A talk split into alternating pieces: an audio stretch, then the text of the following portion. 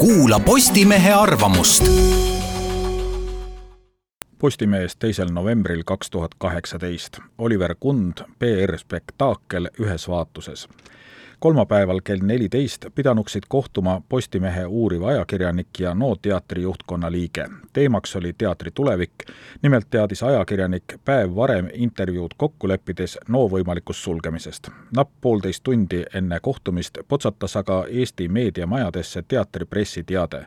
me lõpetame ühes sellega Postimehe ajakirjanikule SMS sisuga, kas meil ongi enam mõtet kohtuda tõtt-öelda polnud see esimene kord. tänavu mais tegid ajakirjanikud nädala kestnud osaluseksperimendi, leidmaks tõendeid vihjetele, et NO etendustel jääb enamik saalist tühjaks. kui telesaade Radar teatrijuhtidelt intervjuud küsis, kordus sama PR-trikk ajakirjanikega rääkimise asemel tegi teater kiiruga kaks sotsiaalmeedia postitust, kus tõstis publiku põua mure ise üles, raputas tuhka pähe ja lubas kahjumist välja tulla. teine postitus oli sisuliselt intervjuu iseendaga.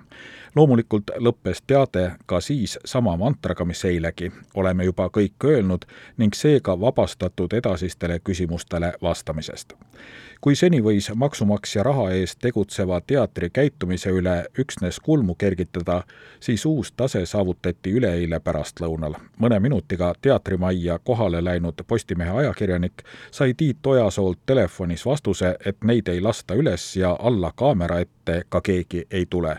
me ei ole teile midagi võlgu, põhjendas äsja teatri sulgenud Ojasoo samal ajal andis ta kolleegidega ERR-i ajakirjanikule oma kabinetis viimast etendust, intervjuud, mis mõjus õhtuses Aktuaalses kaameras pehmelt nagu vanaema pai. teise samasuguse sai Ringvaade, mille saatejuht lahkus vargsi teatrimaja külguksest vahekokkuvõte, maksumaksja raha eest ent kahjumlikult töötanud teater paneb üleöö uksed kinni, kolmkümmend üks inimest kaotab töö, mis saab riigieelarvest eraldatud rahast, inimestest ja hoonest, teater ei selgita, vaid lükkab tanki kultuuriminister Indrek Saare.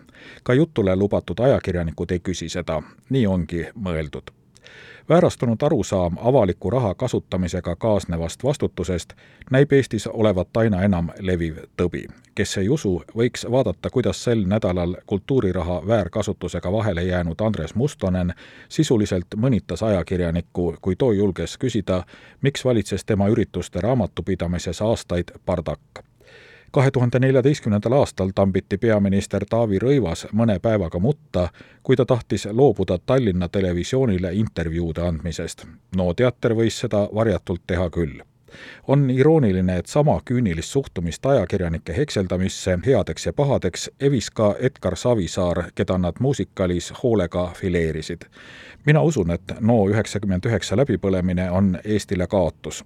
kui aga ühes sellega lahtuks sõberajakirjanike poliitika kultuuritegijate seas ja lõpeks kommunikatsioonikriiside lahendamine Facebooki kaudu, võiks ühiskond ka midagi võita